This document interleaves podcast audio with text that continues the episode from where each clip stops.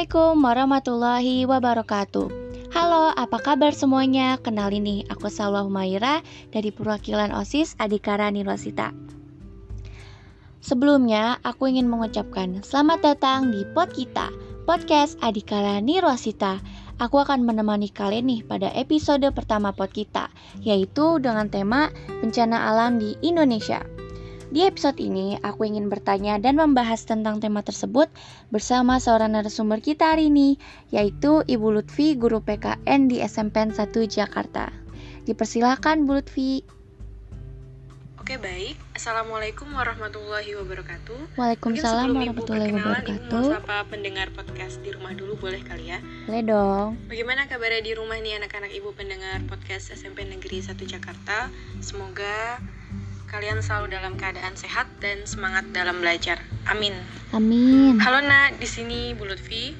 Mungkin yang lebih familiar dengan Ibu adalah siswa yang saat ini di kelas 8 dan 9. Ibu mengajar PPKN untuk kelas 8 EFG dan 9. Semoga materi podcast hari ini dapat bermanfaat bagi kita semua dan dapat kita ambil hikmahnya. Amin.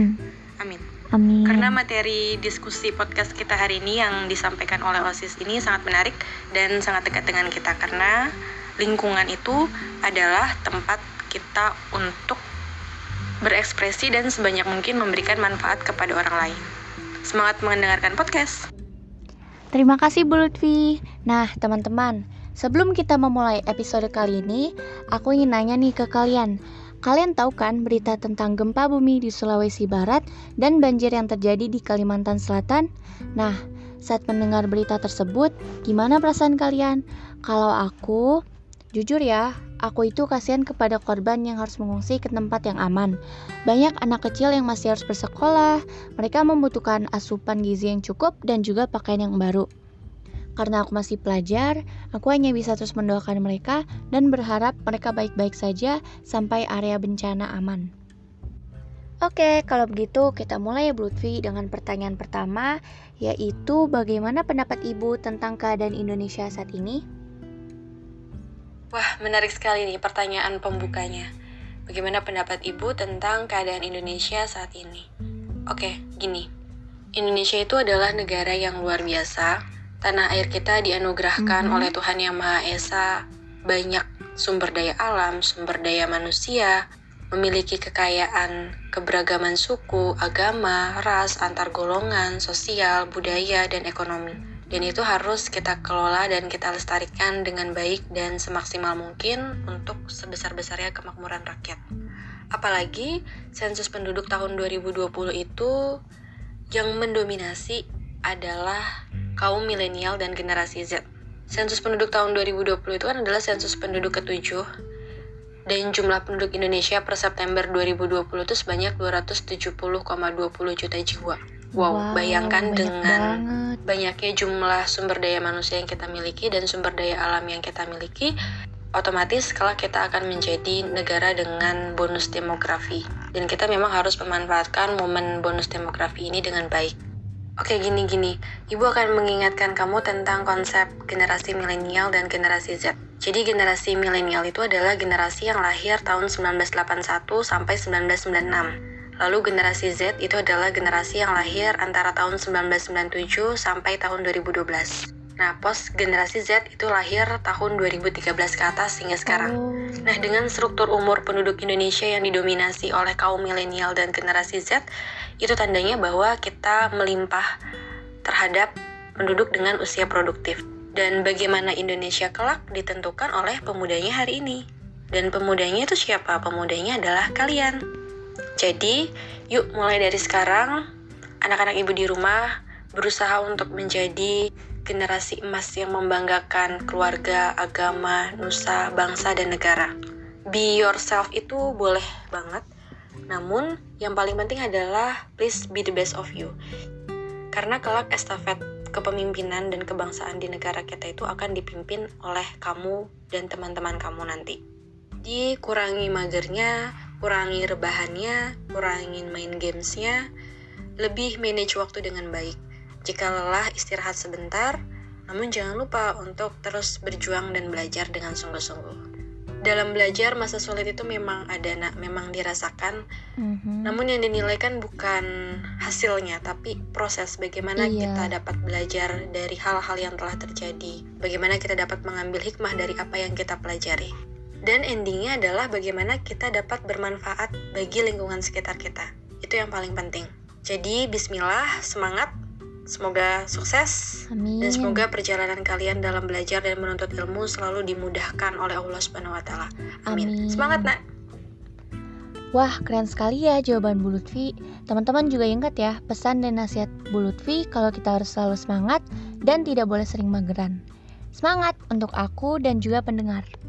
Nah, kalau begitu kita lanjut pertanyaan berikutnya. Pertanyaan kedua, menurut Ibu apa yang harus dilakukan warga Indonesia agar sadar pentingnya menjaga lingkungan sekitar? Nah, dalam memandang Indonesia saat ini, Ibu tuh memiliki pandangan seperti ini. Misalnya Ibu analogikan ya, Ibu berikan contoh. Misalnya ada seseorang yang sudah memiliki tanaman dijaga dengan baik, dirawat dengan baik, disiram dan diberi pupuk Mhm. hingga akhirnya ada satu masa untuk menunggu kapan pohon tersebut berbuah. Kemudian datanglah beberapa seorang teman yang mengatakan bahwa udah ngapain nanam pohon itu, udah tebang aja, gak akan berguna gitu.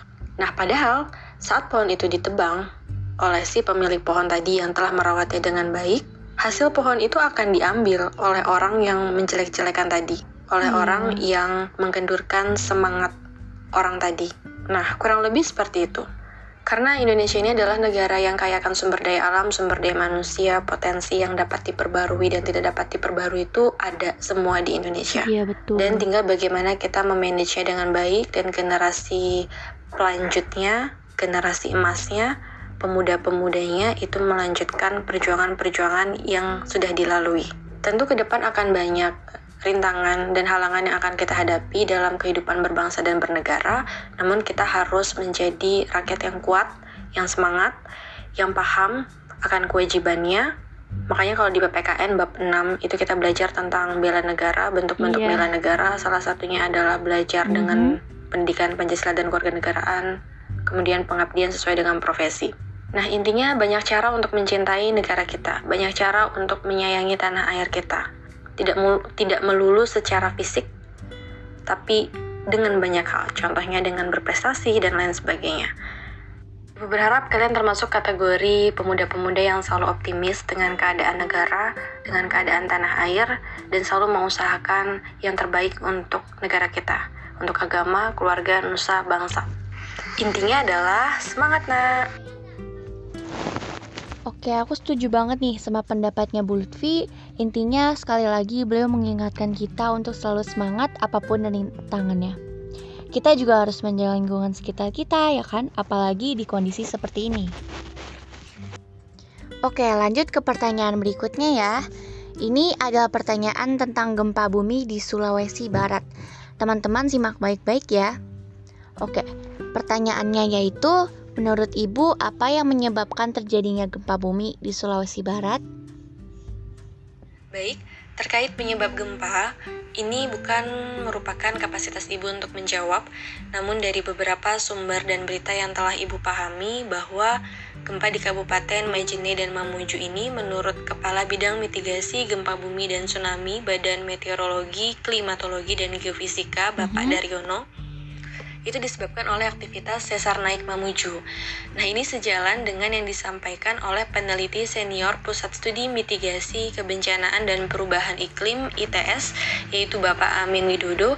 Beliau juga mengungkapkan bahwa Kabupaten Majene itu memang berada dalam zona patahan, sehingga memungkinkan untuk terjadinya tegangan di dalam perut bumi yang dapat menyebabkan pergeseran atau sesar.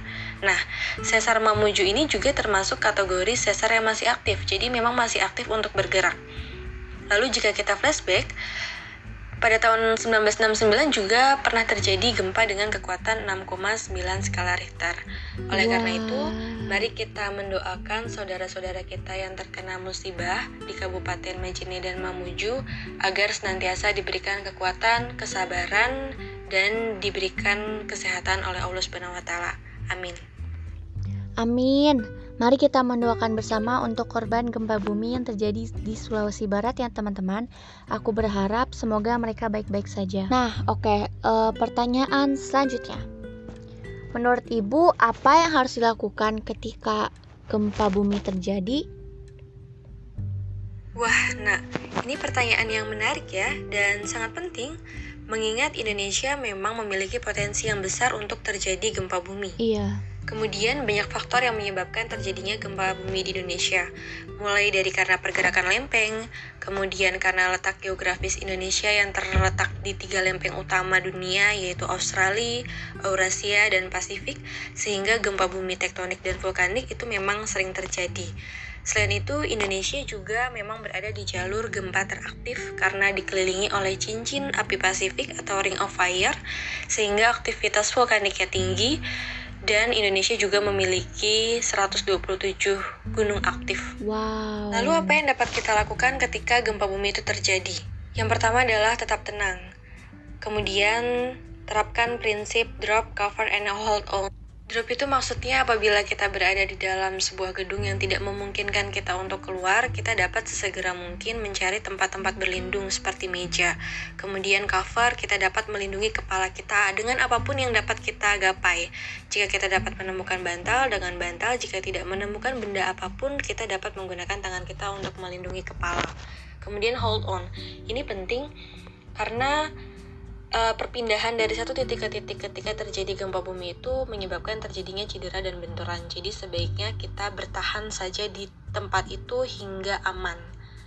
Lalu yang ketiga adalah jika kita di dalam gedung, usahakan keluar dan gunakan tangga darurat. Sebaiknya menghindari penggunaan lift dan kita perhatikan baik-baik jalur evakuasinya itu ke arah mana karena saat gempa terjadi, biasanya listrik itu akan padam sehingga lift langsung mendarat di hostway alias di porosnya lift itu. Lalu berikutnya, jika kita berada dalam posisi di dalam kendaraan atau sedang mengemudi, orang tua kita sedang mengemudi, itu baiknya berhenti sejenak, kemudian keluar karena kita akan kehilangan kontrol terhadap kendaraan yang sedang kita kemudikan Lalu sesegera mungkin mencari tanah yang lapang dan menghindari gedung, sumber listrik, serta pohon.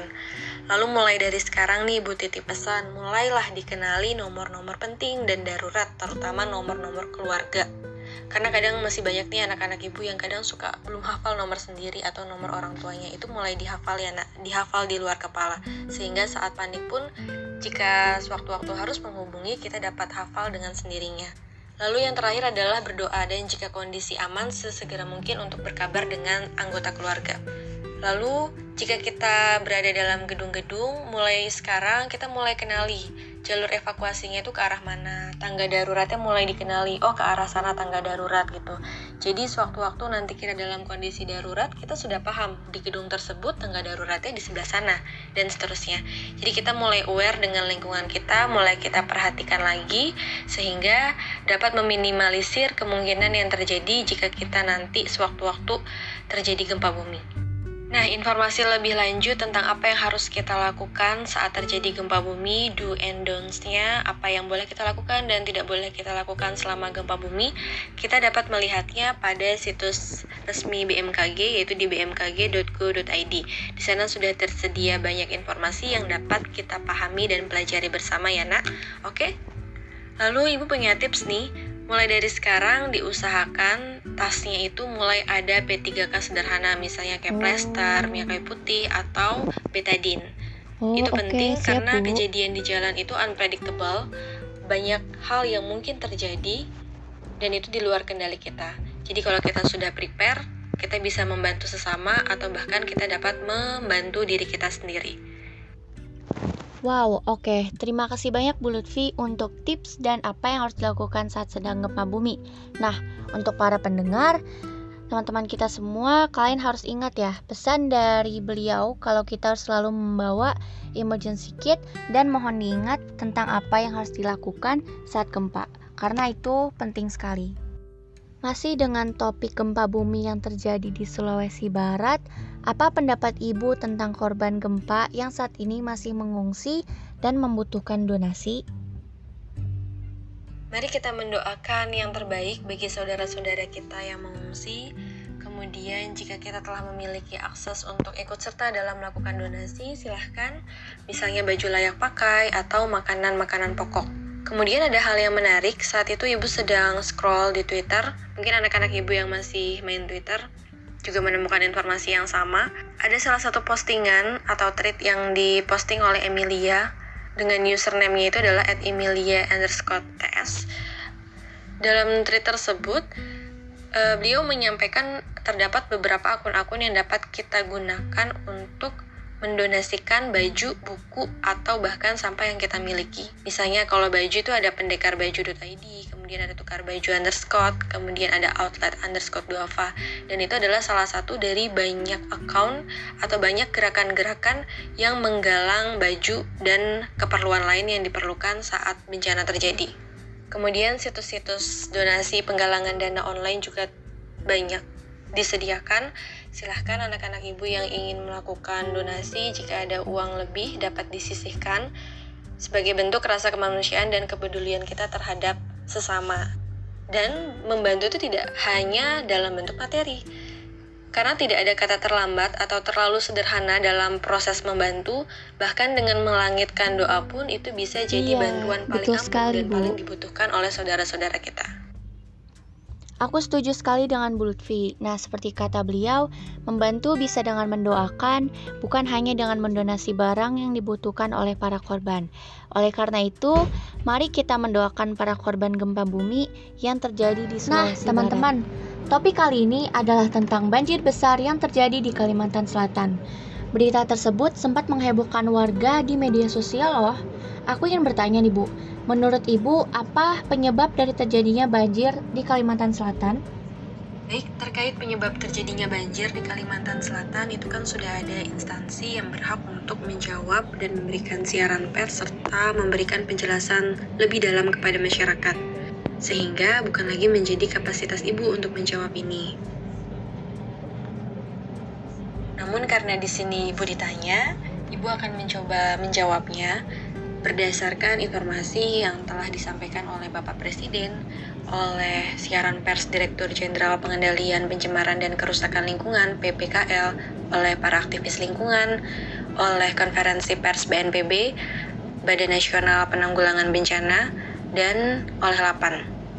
Pertama, jika dirangkum dari beberapa sumber informasi tadi, penyebabnya ada beberapa hal yaitu tingginya curah hujan sehingga tidak mampu ditampung oleh Sungai Barito yang hanya dapat menampung sekitar 230 juta meter kubik sehingga air tersebut meluap di 10 kabupaten dan 10 kota di Kalimantan Selatan.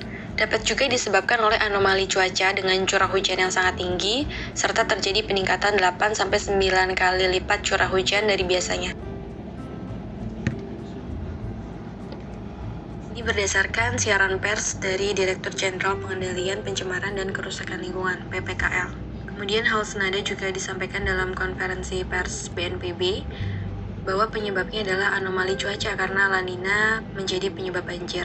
Kemudian Lapan juga mengatakan bahwa penyebab banjir adalah curah hujan, itu adalah salah satu penyebab, dan adanya perubahan penutupan lahan di daerah aliran Sungai Barito. Karena pada periode 10 tahun antara 2010 sampai 2020 itu memang ada penurunan luas hutan primer, hutan sekunder, sawah, dan semak belukar. Lalu terjadi perluasan area perkebunan yang cukup signifikan sebesar 219.000 hektar. Ini berdasarkan informasi yang Ibu baca dari analisis lapan. Lalu kalau menurut aktivis lingkungan, ini mengatakan bahwa terjadinya itu karena pembukaan lahan dan alih fungsi hutan secara masif, kemudian karena eksploitasi alam berlebihan karena perizinan tambang dan sawit, sehingga fungsi ekologi terganggu di provinsi tersebut. Oh. Berarti jika kita simpulkan bahwa penyebabnya itu dapat karena faktor manusia dan faktor alam ya. Lalu beberapa hari lalu ibu juga sempat membaca berita yang diterbitkan di Kompas pada 28 Januari 2021 yeah. yang dituliskan oleh Profesor Yudi Latif dengan judul Kenegaraan dan Kebencanaan. Ini menarik untuk Ibu sampaikan karena berkaitan dengan pertanyaan yang tadi ditanyakan kepada Ibu. Yeah. Sejatinya manusia itu kan adalah makhluk yang dinamis dan senantiasa berpikir, sehingga manusia itu akan mempelajari dan merespon alam tanpa merusaknya. Nah, berdasarkan berita tersebut, disampaikan bahwa memang kapasitas kita, tanggung jawab kita sebagai manusia untuk mengatasi masalah alam. Sehingga Iya. yuk mari mulai dari diri sendiri untuk lebih peka terhadap lingkungan sekitar kita. Dan menjaga kelestarian ekosistem kita. Kemudian saat ini juga sudah banyak pemerintah daerah yang lebih peka terhadap masalah lingkungan. Contohnya adalah Pemprov DKI, kemudian Jawa Barat. Mhm. Di sana juga sudah diberikan peraturan kebijakan yang mengatur tentang penggunaan sampah plastik dan mengurangi sampah. Hingga kalau kita jalan-jalan kemudian berbelanja di DKI Jakarta dan di daerah Jawa Barat, Iya. ya kita harus menyediakan tote bag dan tas kecil untuk berbelanja karena di sana sudah tidak menyediakan lagi plastik. Kemudian beberapa hari lalu ibu juga melihat informasi pada media sosial resmi dari Pemprov DKI, DKI Jakarta di Instagram bahwa DKI juga sudah berupaya menyeimbangkan pembangunan ekonomi dan ekologi di tingkat lokal. Di antaranya itu dengan berkomitmen menurunkan 30% emisi gas rumah kaca pada tahun 2030, kemudian tata kelola yang tangguh menghadapi guncangan, mempersiapkan warganya, melakukan mitigasi, dan beradaptasi pada dampak perubahan iklim. Sehingga sudah saatnya kita berperan sebagai masyarakat, sebagai bagian dari Indonesia. Yuk mari kita mulai go green, mulai dari diri sendiri.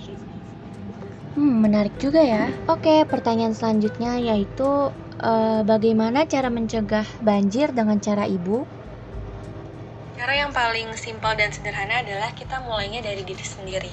Kenapa? Karena ketika diri kita sudah tergerak, maka kita akan mudah untuk memberikan inspirasi dan mengajak teman-teman kita yang lain untuk ikut serta dalam peduli lingkungan dan mencegah banjir.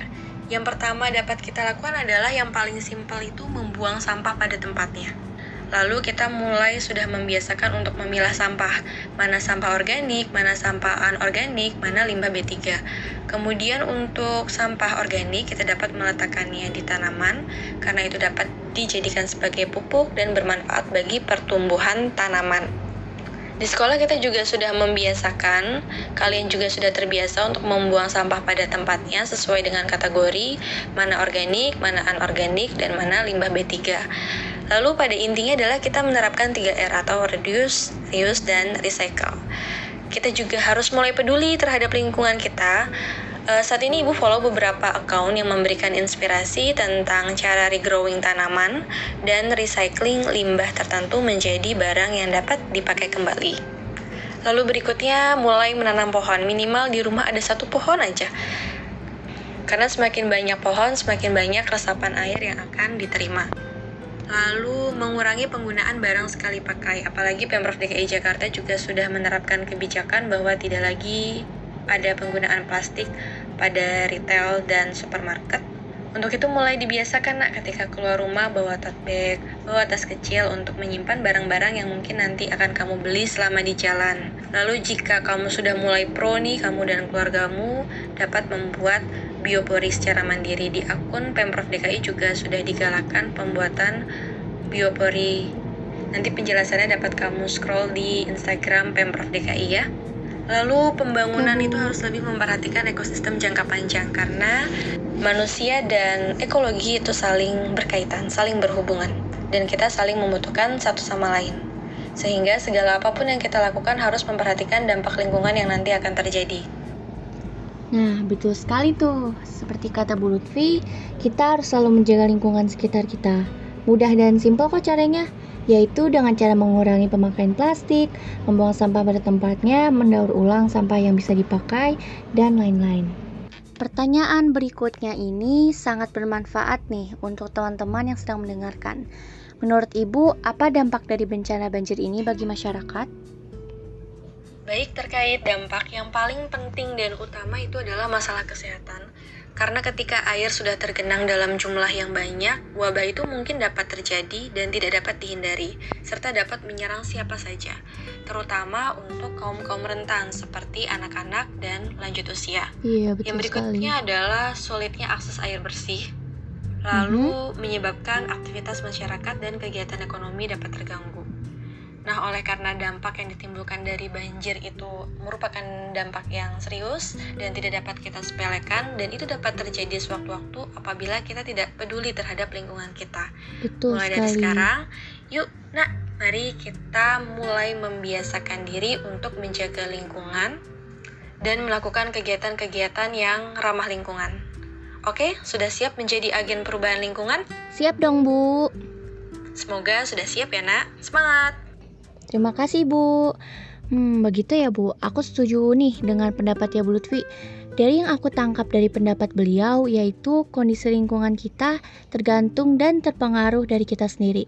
Oleh karena itu, kebersihan lingkungan sangat berdampak pada kesehatan kita. Teman-teman, kita sudah hampir sampai ke akhir episode pertama pod kita hari ini loh.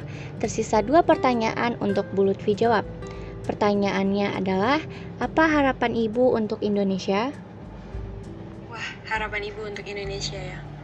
Ibu berharap semoga negara kita, tanah air kita ini selalu dilindungi oleh Tuhan Yang Maha Esa. Amin. Lalu untuk para pemimpin bangsa, para pemimpin daerah diberikan kemudahan, Amin. kekuatan dan kelancaran dalam menjalankan tugas dan fungsinya. Karena menjadi Amin. seorang pemimpin itu berat dan membutuhkan perjuangan. Kemudian kita sebagai rakyat juga sama-sama mendoakan menjadi rakyat versi terbaik bagi kemajuan negara kita dengan cara berprestasi, kemudian melakukan hal-hal positif yang sebisa mungkin dapat kita lakukan agar cita-cita negara dan tujuan negara yang terdapat dalam pembukaan Undang-Undang Dasar Negara Republik Indonesia tahun 1945 dapat tercapai. Ditambah dengan harapan ibu untuk anak-anak ibu di rumah yang lagi belajar di rumah boleh? Boleh dong, Oke Bu. boleh ya. Eh, harapan ibu untuk anak-anak ibu yang sedang belajar di rumah. Mhm. Semoga kalian menjadi anak yang beriman, bertakwa kepada Tuhan Yang Maha Esa dan berakhlak mulia, berkebinekaan global, gotong royong, mandiri, bernalar kritis dan kreatif. Dan semoga selalu diberikan kesehatan dan dilimpahkan Amin. kekuatan dalam menjalankan aktivitas sehari-hari. Semangat ya nak, jaga kesehatan. Karena belajar di rumah itu memang membutuhkan effort yang lebih tinggi daripada belajar Iya. seperti biasa. Pastikan setiap hari kalian punya kemajuan yang lebih baik karena little progress is also progress, so be a progressive. Kemudian karena populasi di Indonesia saat ini didominasi oleh generasi X dan generasi Z, Ibu berharap kalian kelak menjadi pemuda yang mencari kebenaran bukan pembenaran, kemudian mencari kesepakatan bukan perdebatan, mencari jalan keluar dan bukan masalah baru. Karena perbedaan, keberagaman itu pasti ada dan memang Mhm. dekat dengan kita. Iya. Sehingga bukan lagi kita mempermasalahkan perdebatan, tapi bagaimana kita merawat dan membangun itu semua menjadi lebih baik. Oke? Semangat! Oke Bu, terima kasih banyak. Amin. Semoga apa yang Bu Lutfi sampaikan dikabulkan oleh Tuhan Yang Maha Esa. Dan aku termotivasi loh Bu setelah mendengar pesan Bu Lutfi untuk pelajar yang belajar dari rumah. Aku juga mengharapkan yang sama. Aku mau Indonesia lebih maju daripada kemarin, lebih semangat, apalagi untuk pemuda generasi Z termasuk aku. Semangat ya teman-teman. Oke, pertanyaan terakhir.